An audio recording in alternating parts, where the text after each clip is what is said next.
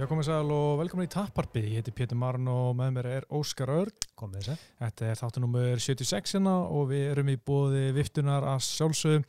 Viftun er svona aftrenga miðstöðu fyrir ídróta og menningathætti í podcast-heiminum.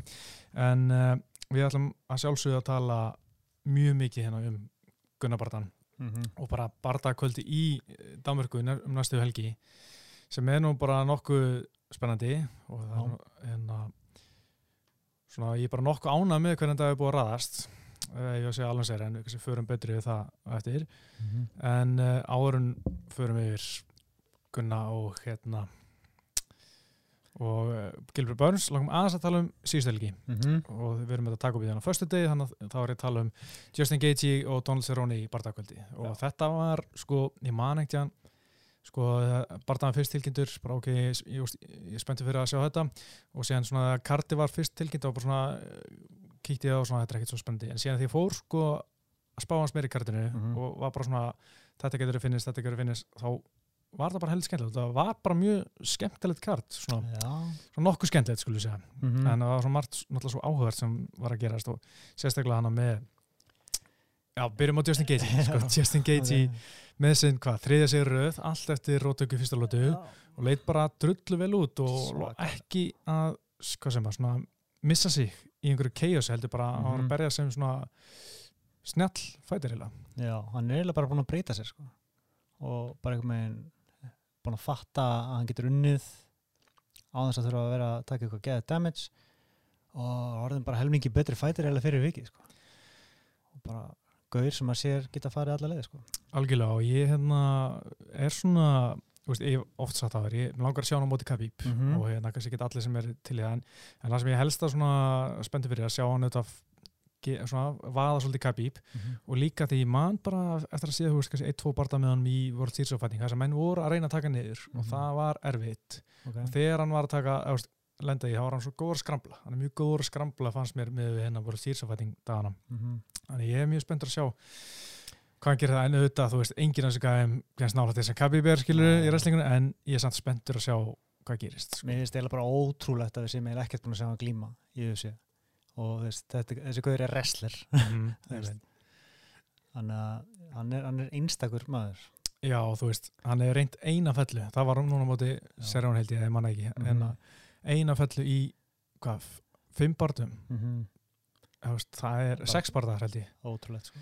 Það er einn farlegt sko. Og líka, líka það er búin að vera að mæta streikur um gaurin sem hann ætti að vera veist, betri wrestler sko. já, við séum bara að henda í hann einhverja skemmtilega því að þeir vita hvað hann gerir sko. Mm -hmm. og hann vil ekki gera þetta leðilegt hann vil bara gera þetta skemmtilegt og, og ég er bara þakka hann að kella fyrir það. Hann er samt búin að bakka aðeins með það já, já. Veist, og, veist, hann er að gera þetta aðeins skynsalega lengja fyrirlin um helming mm -hmm. út af því mhm. sko.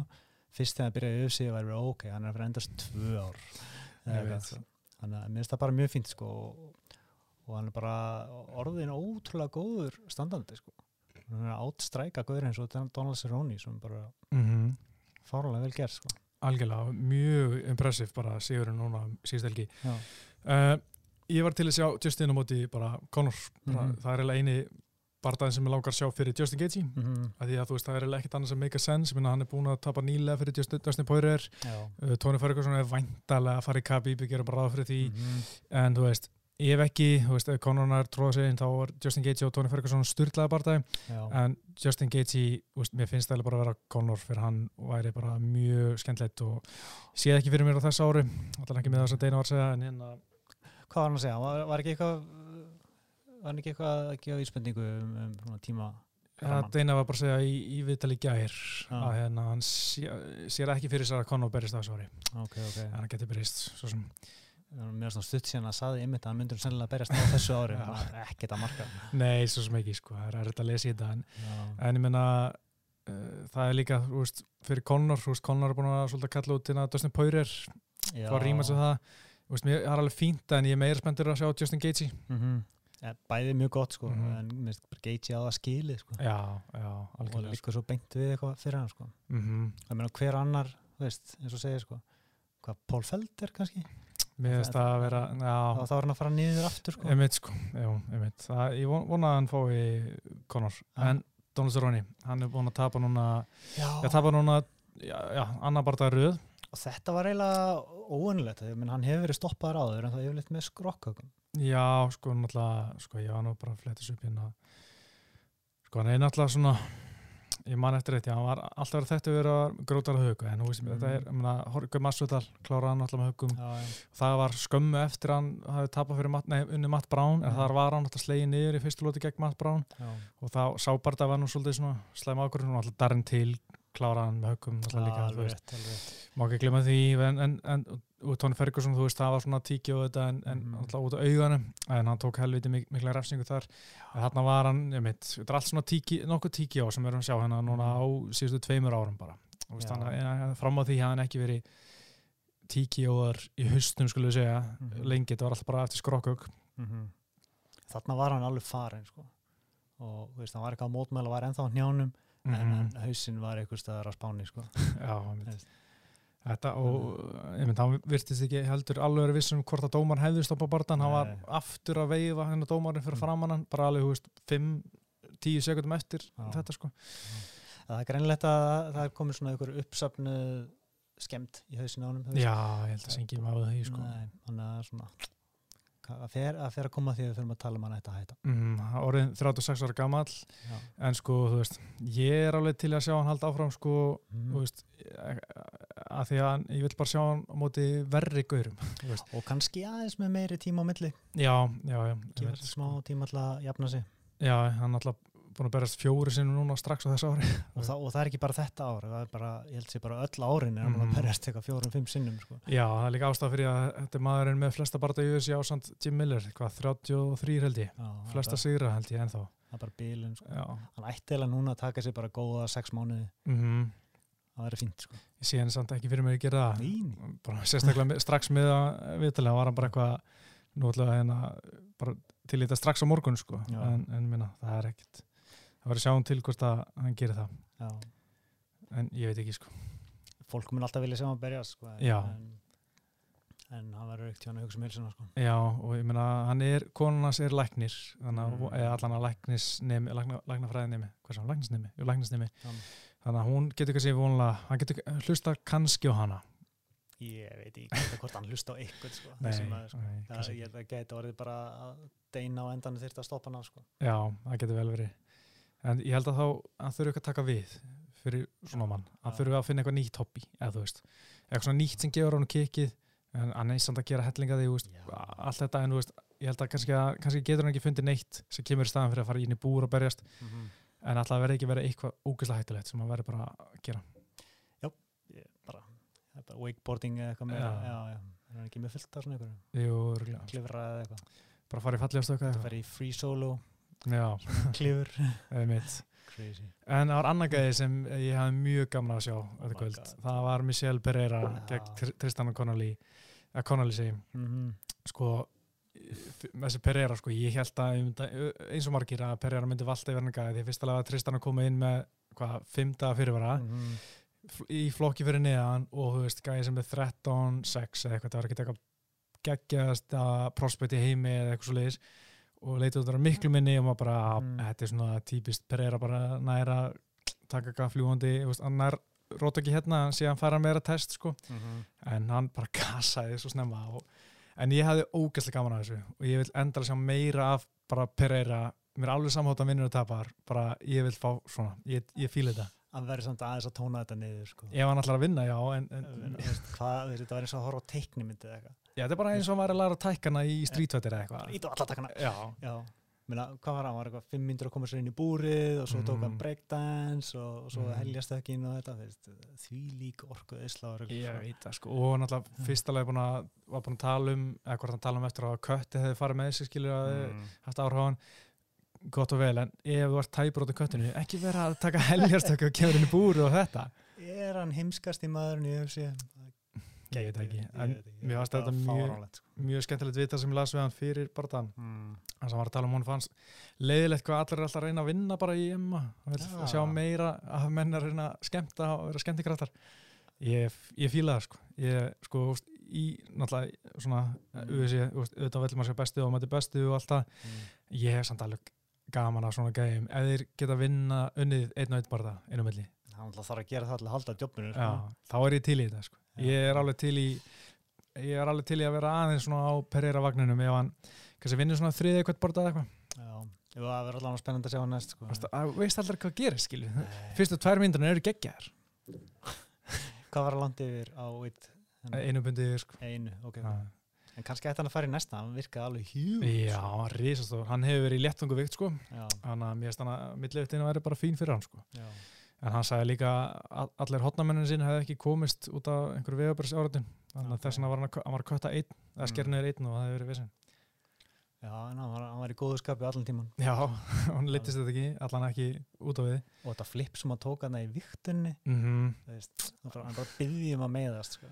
Já, mitt. En, en hann er kannski ekkert mikið að hugsa um aflengarnar á því sem hann gerir held ég. Bara Johnny Walker hvað sko. Já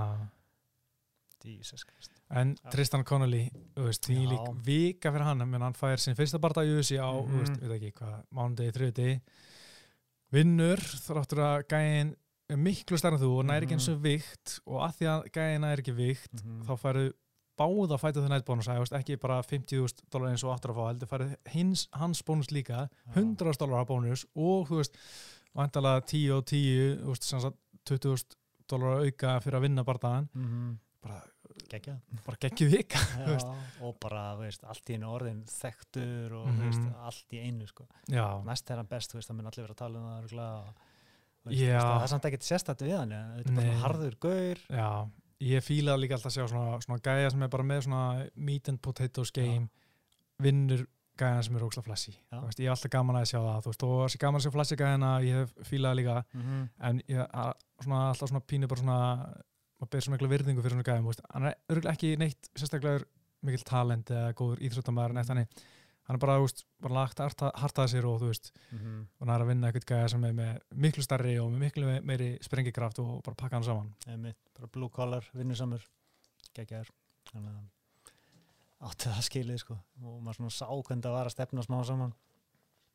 Hann eiginlega gasaði í fyrstu lúti sko. Já, já, bara eftir tvær mínútur sko. Já, alveg fáránlegt sko Já, mér finnst líka, ég las eitthvað vitaflið hérna á að hann heitir ekki O'Connolly, Connolly segi, mm. það sem hann er hérna við uh, hérna, The Athletic, mælu með þeim greinum, það er alltaf frábært efni Mhm. og hérna hann uh, sérst, er að vinna sem sko einhver physical trainer hjá EA Sports, Mm. bara geggjum vinna og bara einhver enga þjálfur hjá EA Sports Ok. Hérna bara fólk mætri hátunni í tíma hjá það, ég veit ekki, einhver, einhvers konar full vinna við að þjálfa fólk í vinninni ok, og hérna og veist, hann var uh, og svona erfitt fyrir hann ekki erfitt, svona mikið að gera í vinnunni hjá hann á mánudinum í einhver viðtölum sko. Mm. svona, og hann, veist, það bara vel tekið það hjá í sport sko ég var ánað með hann. Já, en svona fátt hann að tala- tala um eftir þetta kvöld sem er eitthvað merkilegt en uh, hvað var aftur svona Sörkunov já, klára Jimmy Crew, það var flott. Já, flott, já. Totta Fí, náttúrulega fekk putta í auð og, og beilaði svekkjandi. Mm -hmm. uh, og svo hérna Glóti Sýra með Nikita Krælov sigur sem var bara, veist ennþá solid. Glóti Sýra hann er ótrúlega sigur sko. algjörlega, mjög sigur. Uh, Júra Hall vann líka Antonio Carlos Jr. hann var alveg nokkuð Já. skemmtilega bara já, það var skemmtilegt sko, ég var að fíla Mm. Uh, vindum okkur þá bara í náttúrulega Gunni á móti Gilbert Mm. Burns og fyrstulega náttúrulega Gilbert Burns kemur inn í stað Tíko Alves sem datt út hvað 15. daginn í síðustu viku þegar voru hvað 16 dagar í bartan þá Mhm. kom allan fram á Twitter að hann, hérna, að hann tilkynnt á Twitter hann hefði fengið síkingu sem hefði síðan leitt til nýrnastein og hann hefði þurft að kvíla í heila mánuð Já. ekkert eitthvað allt og alvarlegt en hann hefði þurft að draga svo barndanum og, og inn kemur Gilbert Burns alveg náttúrulega allt annað stíl sko. allt annar anstæðingur og hérna en eitt samt með hérna Kallis, þetta er áttundu sinn sem hann púlar át að Mm. hætti við barnda, mm. þessi barda að vera tilkynnt með þryggja mánuða fyrir ára, Já. þetta hlaut að gerast. Reyndar. Við vorum bara að tala um þetta ekki? Jú, og típist sko. Þú veist, hann er svona, veist, náttúrulega síðustu metránum og, og allt þetta svona, ætti ekki komin að það mikið orð en Svo er þetta ekki svo oft fyrir Gunnar sko. já, já, já, Það er reyndar svolítið langt síðan síðast kannski. Já, ég held að síðast að verið hérna hver, ætla ekki verið bara hérna John Hathaway og Brando Thats Já, ok. Ég man allan að í fyrir hluta ferilsins það var eins og allir Já. hættu bara við Svo komaði annar og hættu við annar og hættu við það var fyrstu fjóru barndanum held ég, þá voru þrýr sem Mm. dött út sko, eða þrýr upprunleir anstæðingar, mm. Mm. ég meina hann fekk einhverja þrjágæði fyrir fyrsta barndan sín sko Já, gæði sem var með bardaðan í sólarheng svo bara bilaðan, þannig að Rich Atonito því að hann bara samþýtti bardaðan Mhm. búið að láta Gunni vita ok, flott, svo allt henni bara daginn eftir bara, nei, ég get ekki, ég er alltaf þungur. Nei, ekki kvæta ok. En allan að, sko, einmitt Gilbert Burns, Mhm. mér finnst þetta meira spennandi ég verið að segja, því að ég var, þú veist, ekkit brjálaslega spenntur fyrir tíu galaspartan, mér fannst að vera bara svona ok, þetta er bara annar bardaði Gunni Mhm. á bara að vinna hann mjög samvarti, þú veist, Já. eiginlega valda yfir hann, hann á að sína að vera mikill munur á, á Gunna og topp og, og, og hérna Tíak Alves, Mhm. það sé munur á þeir sem eru svona á 15 við 15 og, og restina en núna er að fá gæja sem er þú veist, bara miklu hættulegri Já. og bara erfiðara stylistikli matchup Mhm. og þar alveg er þetta meira spennandi en maður er líka stressari ég er skítrættur skal segja sko. þessi gaur er sennilega betri glímaður miklu, bara 100% Já, Eða, ég meina betur en, en Gunni við- ég meina, já, Já. þú veist, maður er eiginlega að segja að þennan heimsmeistari, markvaldur heimsmeistari.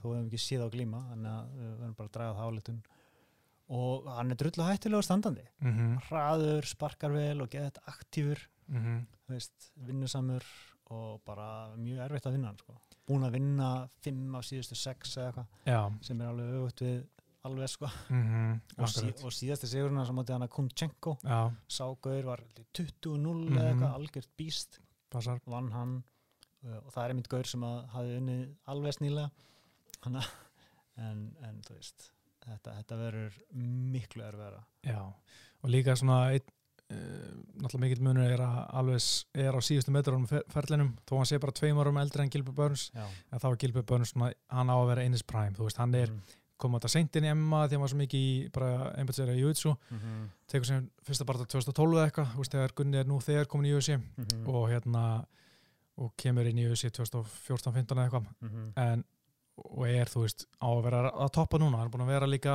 þetta bæta sinni náttúrulega mikið, sko. Já, kemur inn alltaf bara fullur sjálfströst líka. Mm -hmm. Veist, hann var að æfa fyrir Abu Dhabi Mm og þannig síðast í Kunchenko barndaginn hann tók þann, hann líka með stuttum fyrirvara. Já, þannig að hann er bara akkurat að sko. keira á þetta sko. En sko, hérna, mér langar að byrja að fara svona alltaf vel í glímuna. Já, á þeim, sko, því að hann, eins og segir, hann átti að vera að keppa ADCC sem er Abu Dhabi Combat Club sem er svona næstu eins og ólupilleganir í Jutsu mm og þetta er halda á tveggjara fresti það er stíf úrtökumót um allan heim fyrir mótið og hérna svo er alltaf svona mörgum aðeim bestu búið og líka svona þekktur nöfnum. Eins og Gunnar var búið á sín tíma og Mhm. Gilbert Burns var búið núna að keppa.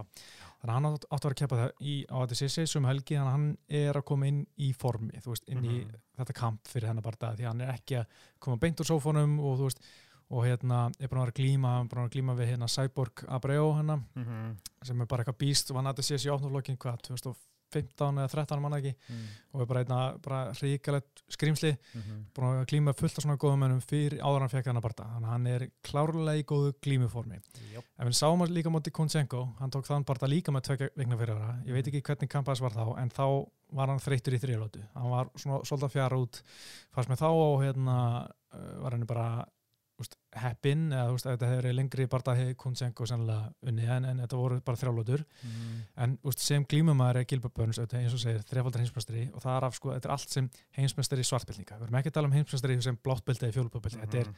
svartbildinga heimsmestari Það er best já, veist, það er alvöru legit og veist, Aha. þetta er einu sinni í gallanum tvísar í nógi, þannig að segja maður hann er mjög vel rándið Mhm. glímumæður bara skeri sko.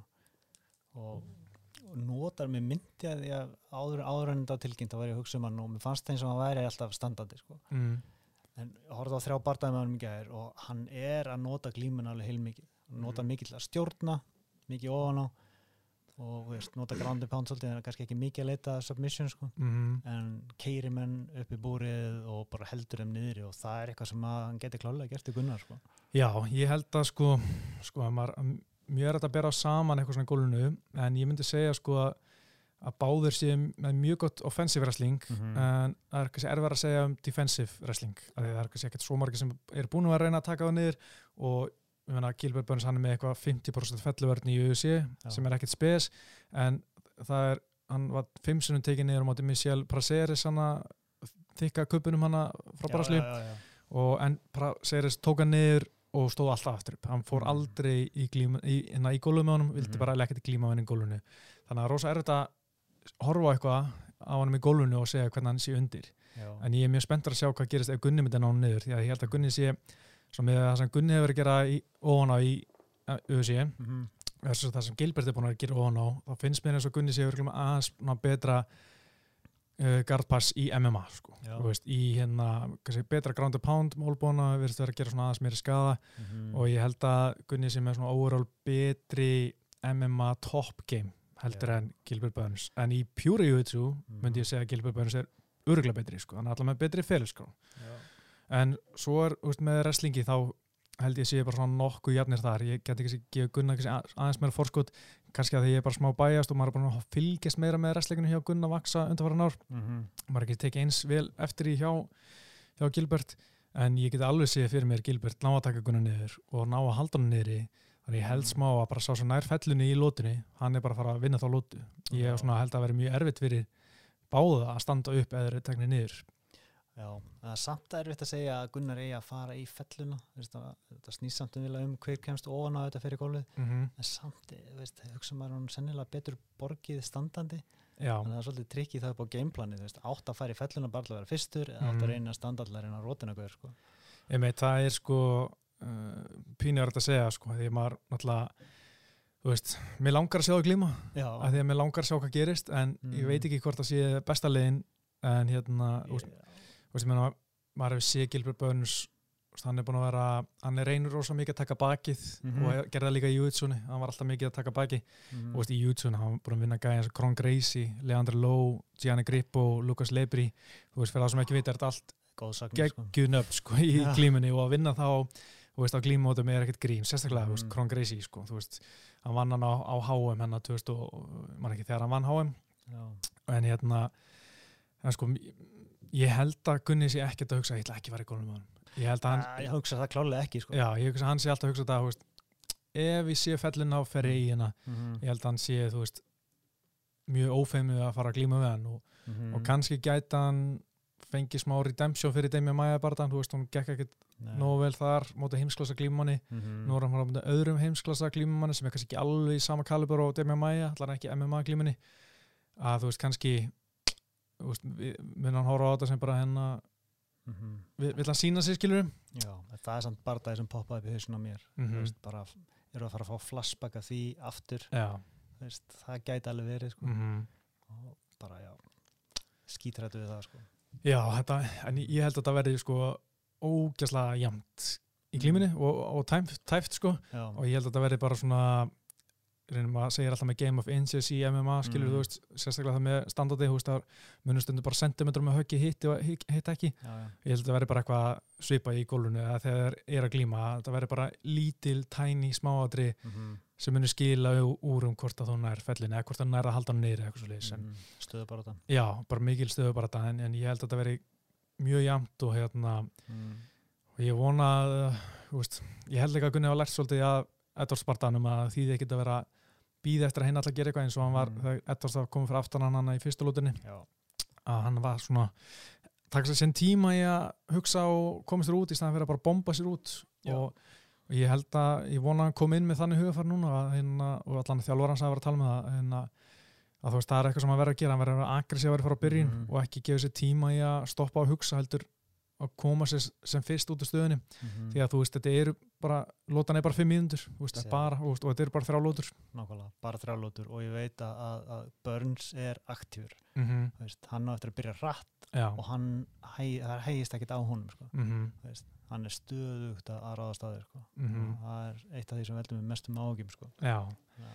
en sko tölum að þessum strækingi Mhm. Burns er alveg með fínt stræking já, hann er náttúrulega svolítið powerful en svona pínu viltur mm uh, kemur hann oft með svona yfirandar hægri uh, sparkar mikið, Mhm. mér finnst hann vera með fín spörk mér finnst það sérstaklega vera að sparka mikið svona í kálvan og Mhm. hérna búin að gera það í, síðustu barðum og það er svona veist, mér finnst hann ekki að vera það ólíkur tíak alveg standardi, kannski bara ekki eins teknilega góður en kannski aðeins meira svona powerful og, og viltari og Mhm. kannski erfiðar að regna hann, hann út en, uh, en ég held að hérna að Gunni geti alveg counterað Já. þennan stíl hjá, um, hjá Gilbert sko Mhm. en það er líka hættulegu leikur sérstaklega fyrstu tvær myndunar að hérna, vera á nálatónum og ég held að Gunni þurfi bara að stjórna fjölaðinni mjög vel, Mhm. sérstaklega fyrstu lótuna og velja höggin mjög vel Já, Dan Hooker gerði alveg mistarlega sko. uh, tímasetta hann náði gagnhugi mjög snemma, mittan svo tók kláran hann með, með króki hann. fyrst byrjaði hann eiginlega bara á að láta hann koma til sín og mitta með gagnöki og svo fór hann að sækja á hann mm -hmm. og klára hann með vinstri króka það, það veist hann alltaf bara hrikalega góður uh, strækir sko. Mm -hmm. veit ekki hvort að Gunnar geti gert það sama en, en akkur ekki sko. Mm -hmm. Já, sko ég meina hann er alveg með svona freka mikið svona mútæ stans eða mútæ vörn með hendurna hátt uppi og, og fylgur hausum bara bak við þetta vörn með hundunum en það er hægt að komast fram hjá krókunum, nei fram hjá höndunum með krókum og mm. uppercuts og svona, ég man ekki hvað bara það var það sem var alltaf einhverjum á uppercut á hann man ekki alveg hver að var en hérna, það var svona uh, oft svona veikleiki með þessa vörð, þú veist maður hendunar hátt uppi mm. þú veist kannski alveg með hérna þarf það svona snú álbón mynd til að stoppa uppercuti, sko, uppbyggi mm. og alltaf að því hann er svona aggressífur og gefur hann aðeins færa á sér sko. já, já En, en það er náttúrulega gallaðið það líka það mm -hmm. er auðvitað að vinna hann á stígum ef hún er ekki að meða sko. Já, akkurat sko þetta getur mjög jæmt ef þetta fyrir sko alltaf fyrir á lótunar og ef, veist, hvor er að, er að ná einhverju hérna, fellum og stjórna lengi í gólunni mm -hmm. þá getur það ráðast á bara standardi partu og, og þar er einnig að vera eitthvað spurning bara um hvort gerir meiri skada Ég held að Gilbert munu örgulega, ég býstu að hann munu sækja meira standardi, að ég kunni svona oft meira svona þú veist, ekki rosalega mikið voljum panser sko, mm -hmm. þannig að það er spurning hvort að, hvort leginn var betri. Já, hvað heldur að Gunnar æfi mikið, veist, hann talar alltaf um að hann, hann sé ekkert mikið að spá í anstæðingnum þegar mm -hmm. hann æfir, mm -hmm. hvað ætla þessi mikið hlut á því sem hann var að fókusera veist, á að, að gera eitthvað sem að tengi spennt alveg og hann þarf þá að aðlagast og, og hugsa núna um stílinn hjá, hjá Burns Sko, hann hefur aldrei, þú veist það eru margir sem spáur miklu meiri anstæðingum heldur en Gunni mm. gerir en menn eru klárlega að skoða anstæðingin og pæla og þeir voru klárlega búin að vera með eitthvað plan fyrir því sem Diego Alvarez gerði og ég var bara, tók viðtölu John Kavanagh í gæðir og smúlisa, mm. já. já það sem hann var að tala um að þú veist, ég eru búin að undirbúa eins og hægra sparki á Diego Alvarez, við erum með svör við því -hmm. og ég menna þeir eru klárlega búin að gera eitthvað svona og skoða fyrir Gilbjörn en það er pínu erfitt á svona skömmu tíma já. og bara með tvær vikur og reyninni er þetta bara svona ein vika af alveg æfingum síðan er næsta vika sem er úti í köpinn mm -hmm. þá erum við bara að halda sér ferskum og, og ekkert að æfa eitthvað, veist, að viti Nei. en meira kannski bara taktíst og, og pæla mm -hmm. en það er kannski svona það sem er, er áhugart að hérna og eins og Gilbjörn Börn sagði líka að hérna, þú mhm. getur ekkert verið að þú varst ekki eins vel undirbúin með svona leik áallin þegar þetta er svona skammi fyrirverð þú verður bara að gera þitt, jú, veist í hver hann er góður í mm -hmm. og eitthvað svo leiðis en það er rosa erfitt að byggja upp eitthvað svaka leikplan mm -hmm. og koma inn með það, þú veist, sem er búið að vera þau left með bara tveggja vegna fyrirvara sko. já, já. og það er alltaf jafnast út mm -hmm. er, algjörlega eins fyrir hann og, og kannski kannski hugsa maður að börns fara einbita sem er að glímunni veist, í þessum barnda því hann er búin að vera æfa fyrir glímu sko. Akkurat sko Það getur verið en þetta verður áhugverð sko. Ég er, er nervus Já, en þú veist eins og með svona kampið skilur þú veist, þeir eru mm. búin að vera að hugsa um tíu og alveg heil lengi og hérna og síðan þú veist ef, þessi, ef þetta er uppálið bara anstæðingar hans gunna þá held ég að það hefur verið öðru þessi gæjar sem er komið inn eða gæjar sem eru með meira mm -hmm. glímubeist, einhvers svartbeldingar til þess að glíma gunna en ég minna að þetta kemur skömmið fyrir og þá bara veist, er ekki tíminn til að mm -hmm. fá einhverja nýja inn eða eitthvað þannig það er bara, þú veist, þú mm -hmm. er bara að halda áfram að gera þitt og, og hérna lísat, nei sko Nei, en ég minna eins og hérna og sérstaklega þetta er svona ofinbært sko en ég menna það var önnun upp sem komið til greina sko sem voru búin að uh, hvað segir maður, rétta fram hjálparönd en ég menna okay, ég veit ekki hvort maður segir það eitthvað hérna. en, en, en þetta var klála stærsta namni fyrir ekki lengra. Og hérna og en á saman tíma líka erfast í barndagann í mínum að deg Já, það er bara flott ég Ég minnst ekkert óhugsandi að hann skjótist upp í top 15 með Sigrið mm -hmm. bara báðir sko sérstaklega því að Darren Till er að fara út mm -hmm. næst þegar hann best í millvið mm -hmm. þá ætti hann dætt út þannig að já þetta getur verið skotpallur fyrir báða Já, ég laka líka pínu sko ég vona ég ná að taka viðtal við Henry Húft hana, sem er náttúrulega aðalþjólar hans að Gilbert sko mhm. að heyra hvað hann að segja, það er oft sko pínu sko með Henry að hann svona virka svo leiðilega þegar hann er hotninu í mönnum. Mm. en Gunni Einar sem er bjóð í Hollandi lengi og Henry Hótt er hollendíku segja að það sé bara svona hollenski hrókin mm. og þeir hljóma hrókafullir á ennsku oft þeir eru að tala ennsku okay. samt fyrir það sem fylgis með fókbalta fyrst, fyrst með hann hljóma svona eins og Louis van Gaal gerði, þú veist að hann var að tala, hollensku þjálfari. Ég er ekki svona hljóma alltaf svo hrókafullir þessi hollendikar þegar það tala ennsku og hérna ég er svona smá spenntur að heyra hvað hann segir um, um þetta matchup og hérna Mm, og, hvernig þetta svona hvernig þetta kemur mun allt spilast sko Já, en svo er annar faktor uh, Gilbert náttúrulega með aðeins minni faðum, aðeins lægri og búin að vera í léttvikt veist, þannig að veist, hann aðeins minni skrokkur mm -hmm. en veist, kannski að segja saman um Gunnar hann hefði geta verið í lægri þingtaflokki Mhm. lengi veist, er Gunnar með eitthvað finnst þér mikið svona eitthvað size advantage eða verður þetta ekki bara svipa veist, það er ekki Ég- það mikill munur sko. Jú, ég held að þetta verði akkurat bara mjög svipa starraðlega séð. Já, Gilbert er náttúrulega ekki með neitt háls. Nei, Hérna, og erfið er að tjóka það. Já, og hérna er ég held að sé jafn háir minnum að ég að lesi. Já, og hérna þannig að þetta er örgulega bara mjög svipur þetta væri kannski svona einn af þessum barndagum sem væri settur saman eða það væri 165 pundaflokkur. Einmitt. Þannig að má kannski bara segja þetta sé number one contender í, nei, ég veit ekki. En hérna, en já, ég held að þið séu alls ekki ósvipaðir. Nei. En ég, ég laka mikið að sjá hvernig þetta verður standandi og ég get alveg trú að veist, Gunni væri kannski hraðari standandi. Já, og hérna kannski svona meira sjarp, kannski með svona aðeins svona hraðar eh, flettur og svona meiri nákvæmni en, en Mhm. Gilbert örugglega meira power Mhm. og hérna gerir meira. Og þetta er svona kannski og Gunni var svona aftur á móti svona kannski nákvæmari og, og svona meira svona hvað sem var svona snapp í högunum Já, ég held að bottom line sé bara hann má ekki býða og lengi mm -hmm. og hann verður að vera geðveikt skarp, skarpur í gagnugörnum já, já. Hann verður svolítið í nautabannin mm þannig að og svo er spurning bara, þú veist, X-faktorinn er eh, fellurnar sko. Já, þannig að, það verður ríkilega spennandi sko. Já, Þú veist, mér finnst að Gilbert Burns ekki verið með eitthvað svona ómannlega góða felluvörð nei, en, en hann hefur bara enginn farið með honum í gólfu í UFC hann er rosa erfitt að segja mm, hvernig hann er í gólfinu og við sáum það líka, þú veist Leon Edwards náði fítindi stöðu fyrir aftan Gunna og náði hann svona já, hanga honum hann og Alex Oliveira var að granda pánda hann á fullu í þeirra barta og Mhm. ofan á.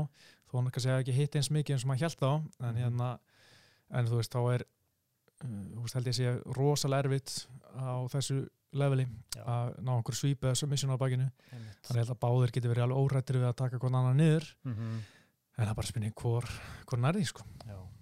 Það væntalega hvernig, fyrir eftir hvernig gengur standandi. Já, algjörlega sko. Það getur verið góð faktor sko. Mm og ég vona eiginlega sko, þú veist, ég veit ég sagði að það verið Dustin Poirier bara á móti Khabib að, að þú veist, ef Gilbert skýtur inn eitthvað sé ekki mikið allast eitthvað giljotin ég held að sé rosalega erfitt að ná svona high level gæði giljotin já, nema Gunni sem með eitthvað next level giljotin mhm, þú veist, ég veit ekki hvort það sé með giljotin á þessu leveli sko, upp að ná heimsbystari jútsu, mhm, þú veist, ég veit það ekki. En ég held að þetta, sem ég að ég held að það sé enginn að fara að klára neitt með uppkjartaki í þessum nei, nema kannski að annar ná að vanka hinn, já. ég held að það sé eina leiðin sko.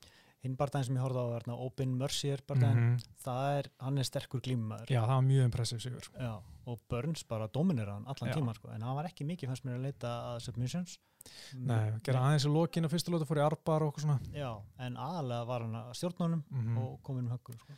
Já, mér staðið mjög impressiv. Ég var mjög spenntið fyrir þeim barða. Það var náttúrulega í Toronto líka hann. Mm Mhm. Gunni var á móti Olivera. Já, Og það var svona einn af þessu barðan sem ég hef ekki tippa á því að það var svo 50-50. mm Af því ég náttúrulega, Obi Mercy er svarspelt í judo og veist, einn af bestu judomunum í, í Kanada á sínum tíma og hérna, og Gilbert bara, eiginlega bara pakka hann saman í, í glíminni, sko. Já, Það var bara mm, mjög svo og líka lendi fullt af þungu spörkum þar sko, sem Mhm. ég var mjög það mjög flott sko. Já. Og eitt með Gilbert eins og segir Mhm. hann er búin að vinna núna þrjá röð Mm -hmm. og þetta er allt sko finnst það eins og sé alltaf að vera betri og betri, betri þú veist, það horfur á hann vera að hérna, Akkur eru siglingu sko. já, þú veist, hann er að klárlega að bæta sig hann er búin að vinna þrjá barða röð og þar finnst mann alltaf verið svona mm -hmm. líta betri og betri út með, með, hérna, með hverjum sigurunum og þú veist, Virka bara hann hungraður með eldmóð Mhm. þú veist. einmitt Nei. fimm að síðustu sex sigurum sínum fimm að síðustu sex barðum sínum Já. og þú veist það er búin að klára þrjá að þeim, tvo með rótöki standandi Mhm. og eitt með submission Og þetta eina tap var náttúrulega sem hann var bara rótaður af húkar mm -hmm. hann, hann, náði hann bara. Já, já, en húkar er líka sínd hann er drullu góður sko. Já, hann er geðugur, einn af mínum uppáhalds.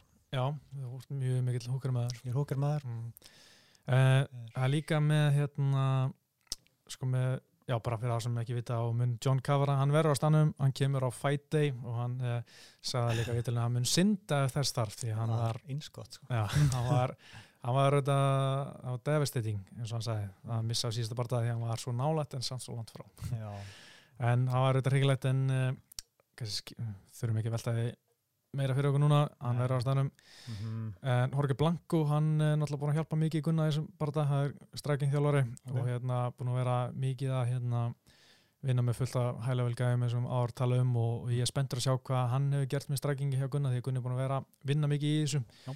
og hann sagði líka hann sko hann, hann finnst sko að Gunni sagði að ég er í fyrsta sinn í rauninni með alvöru stræking þjálfara, ég hef aldrei verið með alvöru stræking þjálfara. Mhm, og hann er svona smá búin að svona fall in love with striking again sko. Þannig að það er spurning hvort það komi eitthvað flott úr því, sko, ég menna hann kildi niður Brand og Þats og, og frábæð gegn Albert Tumunov og ég held að það sé, það sé bara það sem þurfi mhm, gegn svona gæja, að Gunni þarf bara að vera upp á sitt allra, allra besta til að vinna gæja eins og Gilbert Burns Já. og hann þarf helst bara Tumunov eða Brand og Þats framistöðu, sko. já, það er kannski eitt besta við hennar barða að þetta er, er fullkomið tækifæri til að gera, koma með eitthvað statement veist, að, þú veist, hann hefði pakkað saman alveg það hefði allir verið, "Ah, ok, nú er þetta að fá annan Mhm, akkurat statement, núna getur hann bara eiginlega tekið shortcut eiginlega í statementið sko. mm þannig að það er góð búndur, sko og með Burns, það er stutt síðan hann barist hann barist Mhm. 10. ágúst, þannig að hann er þú veist, alveg í, í fínu formi og náttúrulega búin að vera aðeins í þessi mjög virtur gæi sko. Já, að- og hann er alltaf að fara í einhver hellaði viku núna það sem er bara æfing, bara, hann sagði að þjálfur hans er að fara að reyna að drepa mig núna í Já. viku og svo get ég aðeins svona meira tími fyrir svona rólegra aðeingar í næstu viku. Já, þú veist bara að lifa það Já, í en ég menna að tvekja vegna fyrir að þetta virkaði vel fyrir Michael Bisping. Já, einmitt. En það var náttúrulega mútið gæði sem hann áður mætt sko, Luke Rockhold en, já. en hann náttúrulega er eins og við vorum að tala um hann er búin að vera að æfa. Mm bara öðruvísæðingar Já, já, og þá líka um þetta hérna já, ég held að það verið mjög áhvert að sjá hvað gerist. En hvað heldur þú að, ok, segjum að Sigur hjá Gunna mm. kemur om í, ég myndi segja slefar enn á top 15 já, sérstaklega ef þetta er samfærandi, ef Mm. þetta er eitthvað eins og túmuna framast þá veist, verða, verða þetta mjög impressi því að við vitum að Gilbert Burns er lítið gaur sem er mjög virtur. Mm. en hvað gerist þegar hann tapar? ah, að maður að segja Bellator orðið eða? Þetta er síðasti á ferðlunum eða ekki? Nei. á, á, á, á samlingum, Nei, næst síðasti. Ég held að. Ok, menn þá tekur hann síðasta barða mm og þá fyrir við að tala um Já, en það væri þriðja tapi í sýstum fjóra barðum já, sko. ég veit Já. bara hræðilegt sko, ég, Mhm. maður vill ekki til þess hugsa sko Nei, akkurat, þetta er svo Mm. mikilvæg tíma núna fyrir hann, Já. strókin sko mm en uh, ég held að hann sé alveg, þú veist, hann er ekkert að fara að kötta þær stóðan tapi sko Mm, Nei, ég held að fá alveg hann að síðasta barða sko Já, já, já, ég held að það sé engin, engin spurning um það en uh, það væri bara svona pínu pínu áfall og veist, er maður órálegri, þú veist, að því að hann náttúrulega aldrei tapað tvisar röð Mhm. og aldrei, þú veist, og tapaði náttúrulega síðast og maður var svona búin að ímynda sér bara tík alveg, þú veist, þannig síðan að gera svolítið þægilegu sigur, Já. svona skildu sigur kannski, Mhm. en núna er að bara fara inn í allt annað pakka sem er bara miklu hættilegri gæi Já. miklu fjölbreyttari þú veist, tíu gálur sem vissi allir hvað hann ætla að gera bara standa og sparka og bóksa við Gunna mm og verðast fellanum en Gilbert Burns, hann getur gert þetta allt veist, og ógæslega hættilegur í gólunum líka Mhm. Eh, bara sama hvernig hann lítur á þetta það er þetta hættulegur barða sko. Já, þetta verður þetta verður mjög, mjög spennandi Já. og hérna, ég held get ekki byggði eftir þessu Mhm. hjarta verður á biljón Mhm. þegar þessi barndagi fyrir gang sko. eitt sem bara með datti af hverju, af hverju Gunnar aldrei verið þessi short notice gaur á móti Mm. einhverjum öðrum dottið inn Víta ekki sko ég bara get ekki bara pæling Já, ég veit Mm. ekki sko Einmitt, það var kannski gaman að prófa það mm. En hérna hver er svona þín offisjál spá fyrir barðan? ég, ég held ég hafi alltaf spáðan og séri sko. Mm -hmm. og, en bara, veist, ég, að ég horfði þarna þrjá barða með gær og ég bara neyðist til þess að spáðanum tapi sko. Þú spáði Gilbert Burns sigri ég spái Burns sigri og veist, ég er náttúrulega já, ég, og það er aðalega því að, að Burns er svo aktífur og ég held þessi rosalega erfitt að vinna vinna hann á stigum og ég held þessi mjög erfitt að klára hann. Þú þarft að, að ná einhverju pinpoint counter höggi til þess að, að róta hann og mjög erfitt að submitta hann nánast vonlaust held ég. Og bara hann er svo aktífur með gott úthald og veist, ég held að ég held að taka þetta á stigum. Já, það er uh, því miður. Já, ég meina um að gera að menn segja sína skoðun og þú veist, Mhm. það er ekkert frálegt við þetta, ég get alveg séð þetta gerast Mhm. það er alveg, það er akkurat málið þetta er það jættbarta, þetta er það uh, svona mikið undir fyrir báða og hérna Mhm.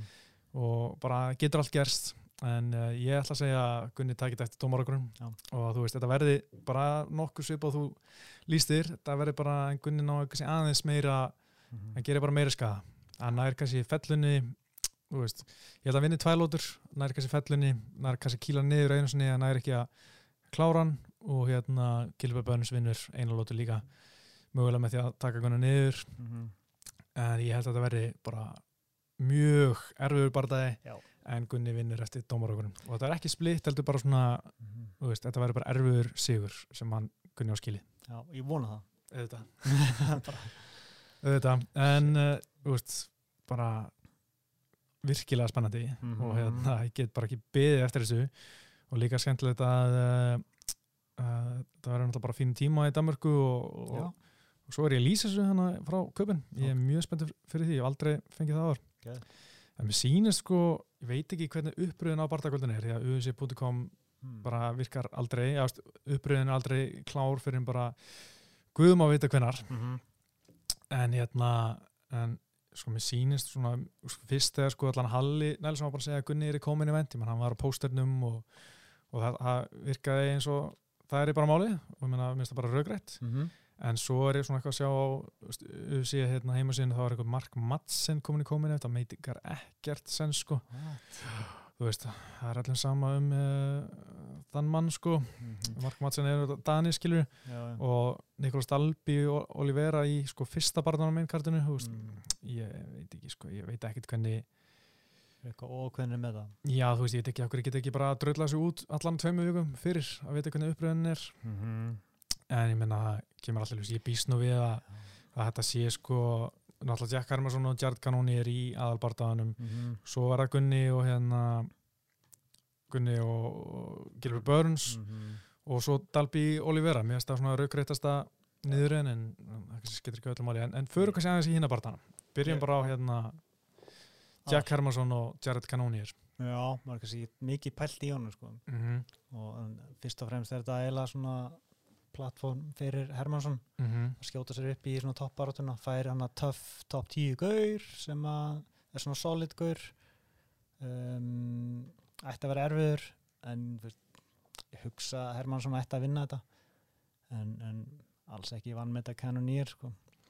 Nei, ég veit, búin að eiga mjög svona sveiflukendan fyrir í USA Já, lítið vel út undarfæri samt sko. Já, hann alltaf byrjaði í þungaðettin í USA svo kom hann hér í millið, það var magna hann tók, hvað, tvo barndagi þungaðett Mm. í USA, hann var allan, fyrirlinu utan USA í þungaðett mm. svo var hann léttunguvikt, var það eitthvað 1, 2, 3, 5 barða og hérna, þú veist, þegar hann bara tapa sko þremur og síðustu fjórum í léttunguvikt fór hann niður í millveit, tók barða í New York mm.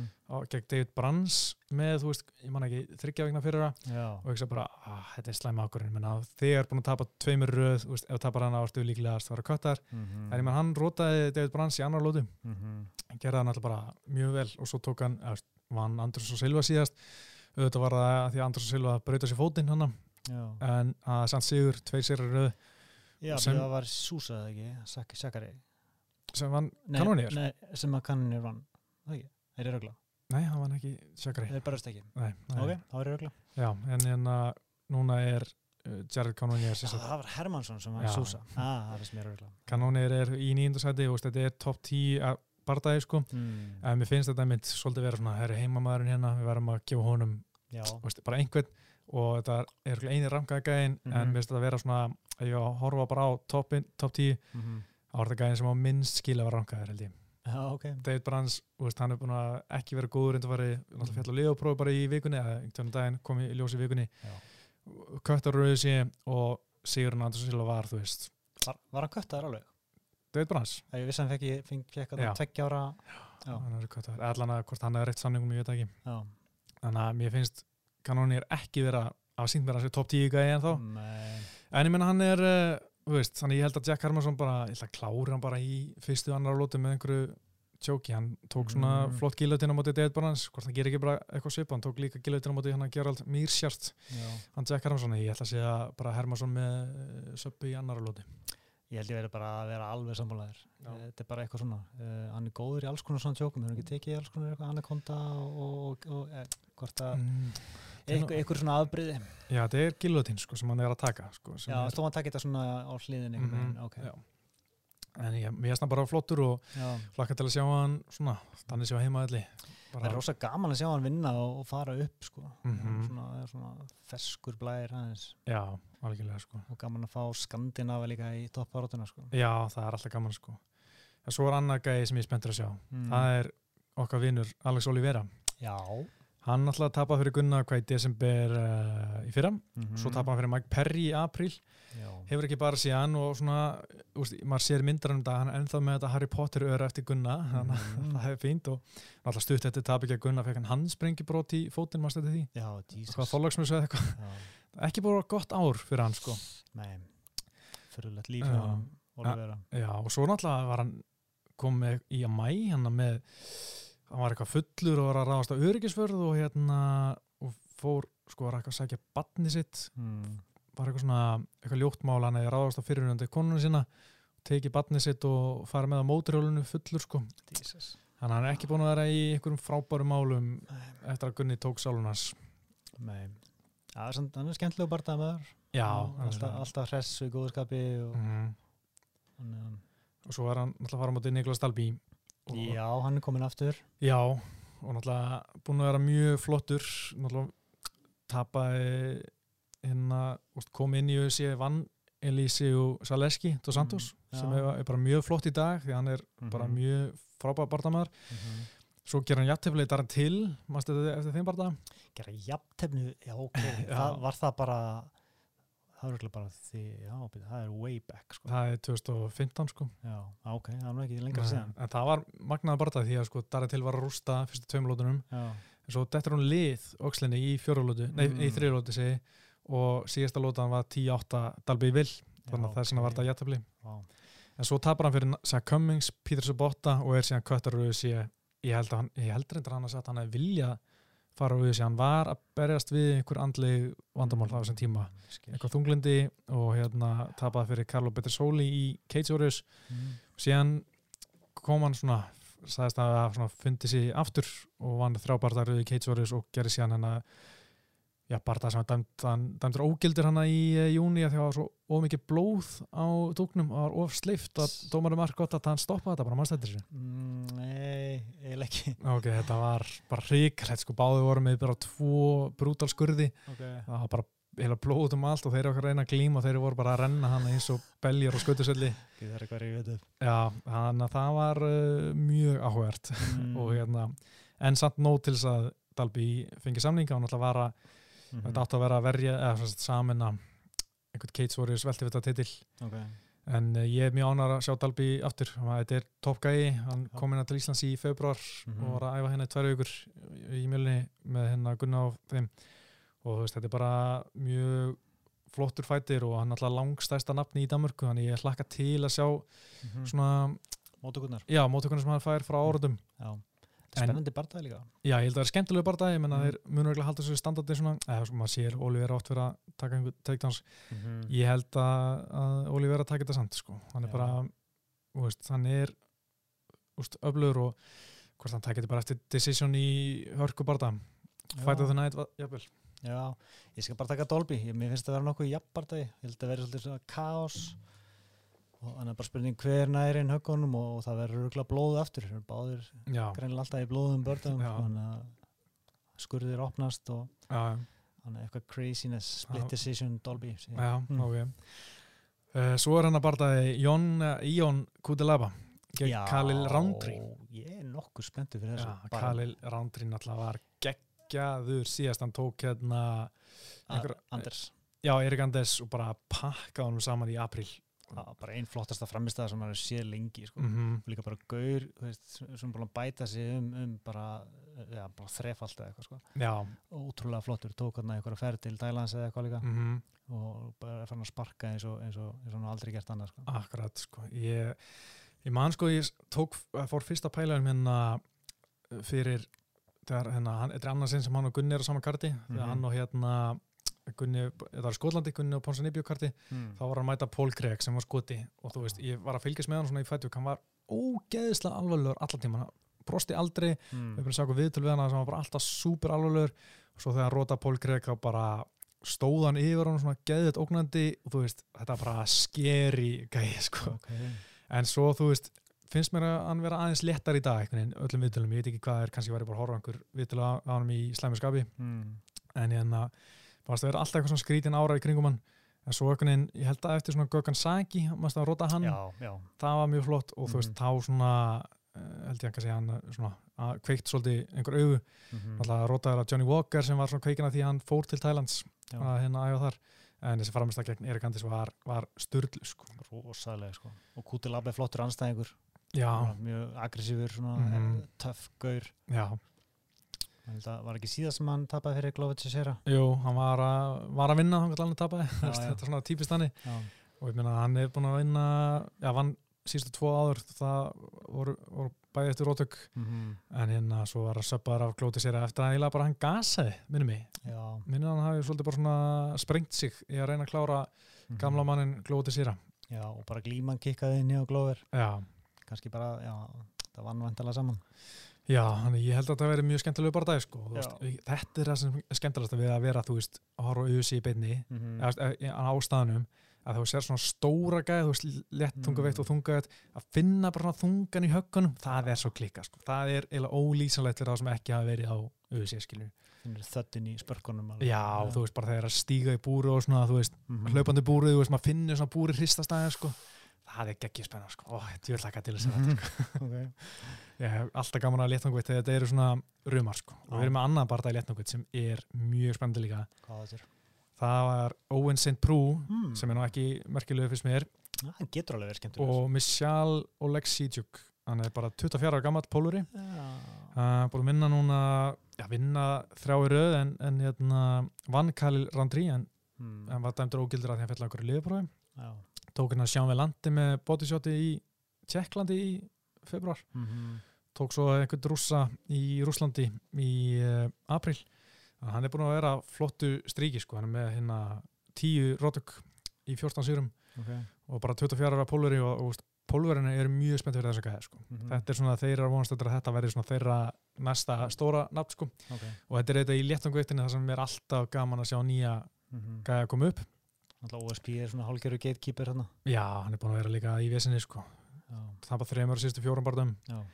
náttúrulega það bara fyrir Nikita Krilo síðast sem pff, ég bjóst ekki við því að hann var söppaðar að Nikita Krilo sko. Það er ekki gott. Nei, og hann var líka bara gasaði bara. Mm. hann var, var bara búin á því annar lótu, bara snemmi annar lótu Mhm. var hann alltaf bara búin því, ég, ég skilði ekki Já. en náttúrulega það er að tapa hann fyrir Dominic Reis var eiginlega rótar hérna á lokasengutinni og svo vann hann Tyson Pedro Mhm. en, uh, og rótar af Ili Latifi þar að vera hérna, svæður sig þannig að hann er svona þrjú töpi síst í fjórum hann er svona pínu í erferi stuðu Mhm. hvað segi ekki bara dottin út top 15 þráttur í menn getur verið að hann getur það endalust Hann náttúrulega er samt ennþá nafn.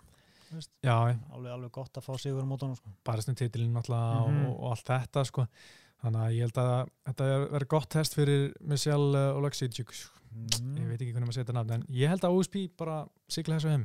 Já, ok, vildu það. já, bara reynsla og sigla. Já, ég held ég myndi frekar taka hinn sko. ég kannski ekki sé nú mikið af honum til að svona, er ekki nú fest í minni til að geta til að geta síðan fyrir mér nú spesifik þannig að bara, já, já, mér finnst að vera bara svona í minningunni svona solid, veist uh, já, pólskur gæi. Já. Ekkert neitt, ekkert sem stendur upp úr en, en högþungur mm og ég held að hann róti bara OSP já, ok, ég meina ég er engin OSP heitir en mér myndi finnast það mjög flott þegar það myndi gera það. Já. Já, það er líka fullt af bardamann á prílin sem ég, á prílin sem þetta er lista núna sem ég er mjög spenntið fyrir. Mm. uh, Siar Bahátur Sata Já, byttu, hann ennþá? Hann er ennþá hana, hann er að fara á móti Ismail Nardjöf sem veit ekki alveg hver er. Já. en Siar, þú veist, hann er náttúrulega lítið barist alltaf mittur og eitthvað þannig. Mhm. en með þetta gæja sem var, veist, svolítið prospect á sín tíma. Hann var, hann var mega hæp í kringum hann. Já, og svo eitthvað með bara kvarfan út af meðslum eða eitthvað Já. og bara Þetta er svolítið- einu sinni ári eða eitthvað. fyndin fyrir, ég meina hann tekur inn að Barta kemur inn á mó- móti Páli Diego 2012, Mhm. rótar hann og þá byrjar hæpið, 42 sigur þetta 42 segundir, svo koma tvö töpir gegn Dong Kim og John Howard sem bara svona glíman held í drast, svo vinnur hann Brando Thats uh, sko, þetta er sko, og hérna einhver þráuröðu tapaði sig þessar Curtis Millendir í December í fyrra, en þetta er sko Bartaði hérna 2012, svo árið setna 2013, svo aftur 2013, svo ekkert fyrir 2016 Þú veist, þannig að hann tók hana næst í þryggjara pásu. Já, og auðvitað hérna síðan, þú veist, alltaf reyni aldrei barist nema með svona árs millibili, sko. En já, það er erfitt að taka hann eitthvað alvarlega sko. mm orðin 35 ára, sko. Já, en ég er spenntur að sjá hvað hann gerir. Ég veit ekkert hvernig gæðin þetta er sem hann er að fara á móti. En uh, svo er hann að Macy Jason, Jason og Lína Landsberg Mm. ég er aðalega spenntið fyrir Macy sko að því að hún er 5-0 Mhm. sem Jemma fættir sem Jemma og það er að vera þrýr sigrar í auðvisi hann vann hann Ultimate Fighter vann hérna fjæðarveitt á mótið og er núna í bandaveitt skilur en hérna þetta, hún gæti alveg verið í fjæðarveitt Mm. og hérna búin að vinna núna þrjá röð og klára alla. Annars þetta, hún er óksla stór fyrir flokkin, hún er alveg 1,75 hæð Já. mjög löng og Ok. hérna bara eftir nokkuð svona spennandi Mhm. fyrir hérna bandhættkvæna Mhm. uh, reynslu lítilega þetta en, en er að fara á móti sænskri Lína Landsberg sem er nú ekki merkilega en, en ég er til í að sjá hvað Macy gerir svo erum við Lando Minato og Marcia Casey Ú, það er geggja það partylegt er bara eitt besti bardaginn á þessu kvöldi sko. Já, Er hann svona neðalega? allan að með við, þú veist hvernig þetta er að núna, ég trúi eða ekki að þú veist hann Ah. lítur að fara á var, veist, það eru bara tveir svona, kannski ekki alveg svona rétt fyrir utan 5 heldur meira svona 25 Mhm. á, í leiktutina, svona alltaf ógæsla margir góður leiktutt Og bara þessi stílar, veist, bara garanterað mjög áhugaverðan bardagar sko. nefnilega, sko bara flugöldarsýningu í rauninni sko. mm þannig að ég myndi setja hann bara aðal prílim eða, eða bara fyrsta á mainkartinu sko. algjörlega, sko, það væri mjög flott henni mín að við horfum á þetta mainkart fyrir utan Mm. Mark Madsen og Danilo Bellardo sem eins og þetta er ræða núna Mhm. þá, þú veist, er ekkert mikið sem getur dottu út nema Mark Madsen, sko Mhm. en þú veist, það meikar ekkert sens að Mark Madsen sé í veint, sko en uh, svo er það Jack Shore sem er uh, velskur, vels svona prospekt frá Mm. hennar úr Kate Joris, ég er mjög spenntur fyrir honum. Þetta er ekkert hvað það er. Nei, þetta er fyrsti bardagans í UFC 11-0 Ok, og hérna bara búin að vera mjög flottur, veist, hann er bara 24 ára gamall. Mhm. búin að vera í bandavittinni lengi. Og veist, hann er búin að vera að klára fullt af bardum og hérna og liti bara hrigilega vel út. Og hann er ég er mjög spenntur að sjá hvað hann getur gert í UFC Mhm. og hérna hann er að fara á móti einhverjum gæði sem þetta ekkert hver er. Hann þú veist, oft við séð og þessu Europakvöldum, þetta er ekkert spes og veist, ekki einu svona með nöfnin heldur bara ekki einu svona þessi bardagar en veist, þetta er ekki sterkur, stærstu nöfnin alltaf Mhm. en þú veist, margir bardagar sem ég er bara mjög spenntið fyrir að sjá. Oft er maður að fara að kafa hans dýpara þá verður þetta eitthvað áhugavert. Já, já, mér finnst ekki eins og þurfa þess núna sko, mér finnst bara að sjá nöfninu bara, þetta verður spennandi. Ok, ég er ekki að reyna að selja neitt Nei. mér finnst þetta bara að vera spennandi. Já, flott, en já, það er gaman. Já. Hvenær byrjar þetta herri, meingardi er að byrja 6 Sex? Yes. Ok, Já. já, þannig að fólk verður bara Ah. tilbúið með uh, já, svona soda pops og hérna já. og mat og uh, poppið og því að Gunni er alltaf er að berjast, ég veit ekki, áttaleiti eitthvað. Ok, þannig að prílim sem bara byrja um þrjúlit já, alltaf ekki með Ok, þetta verður bara geggjaða dagar Já. en uh, til. ég laka til, til fyrir út á þriðdæðin og Mhm. hérna þú ert bara heima. Já, það er bara kósi já, og hérna ég get ekki beðið eftir að horfa þetta því að þetta verður bara hrikalega flott kvöld og þetta vona mér innilega Gunnar Nelson Mhm. gets the win, gets the W. Það er ekki ekki já. en uh, við ætlum að slúta þessu. Mm eitt í lógin, ég var að horfa á Godzilla myndina sé 98 Já, ok um, Hanna Emmerich myndin hana, Ro- já, hún er ekki góð. Nei, hún hún er er vel. 5 koma eitthvað í IMDb og ég ákvað að tjekka á henni Af hverju? að því að hún bara var í sjónvarpinu. Ah, og ja, hver var, var á sjónvarpið? já, ég, sko, ég var að eðalega með nýð og Mm. ég lá upp í sófa að vorkina með, með kæluboka Mm. þá var flakka milli eitthvað og, og, og sá Godzilla og horfði á hana alla. Oh tækni brellunar eldast hrikalega illa. Þetta er svona, ok, Jurassic Park hún kom út hvað, 95, 6 eða eitthvað. Mm og hún er ennþá bara að lúka drullu vel reysalina þar, það er ótrúlegt já það, er, það er að því að, að þegar þú fer í close-up mm. í þeirri mynd þá eru brúður já, og þegar þú ert langt í burtu þá, þá er tölvugjart ah, sniðt þannig að hann svona, það, það lítur alltaf vel út ah. það var eiginlega það var eiginlega snildin Ok, snild uh, Godzilla, hún, þetta var ekki brúða maður sá það alveg, sko. Já, þetta já. var uh, eitthvað svona bara eins og þú vart að spila töluleik ára 2000 Já. Na, ekki alveg flott grafík. Bad CGI Já, en Mm. erum við ekki vera að tala um Godzilla mikið Mm. lengur, uh, ég heiti Pétur. Óskar. Þökkum árdana og við séum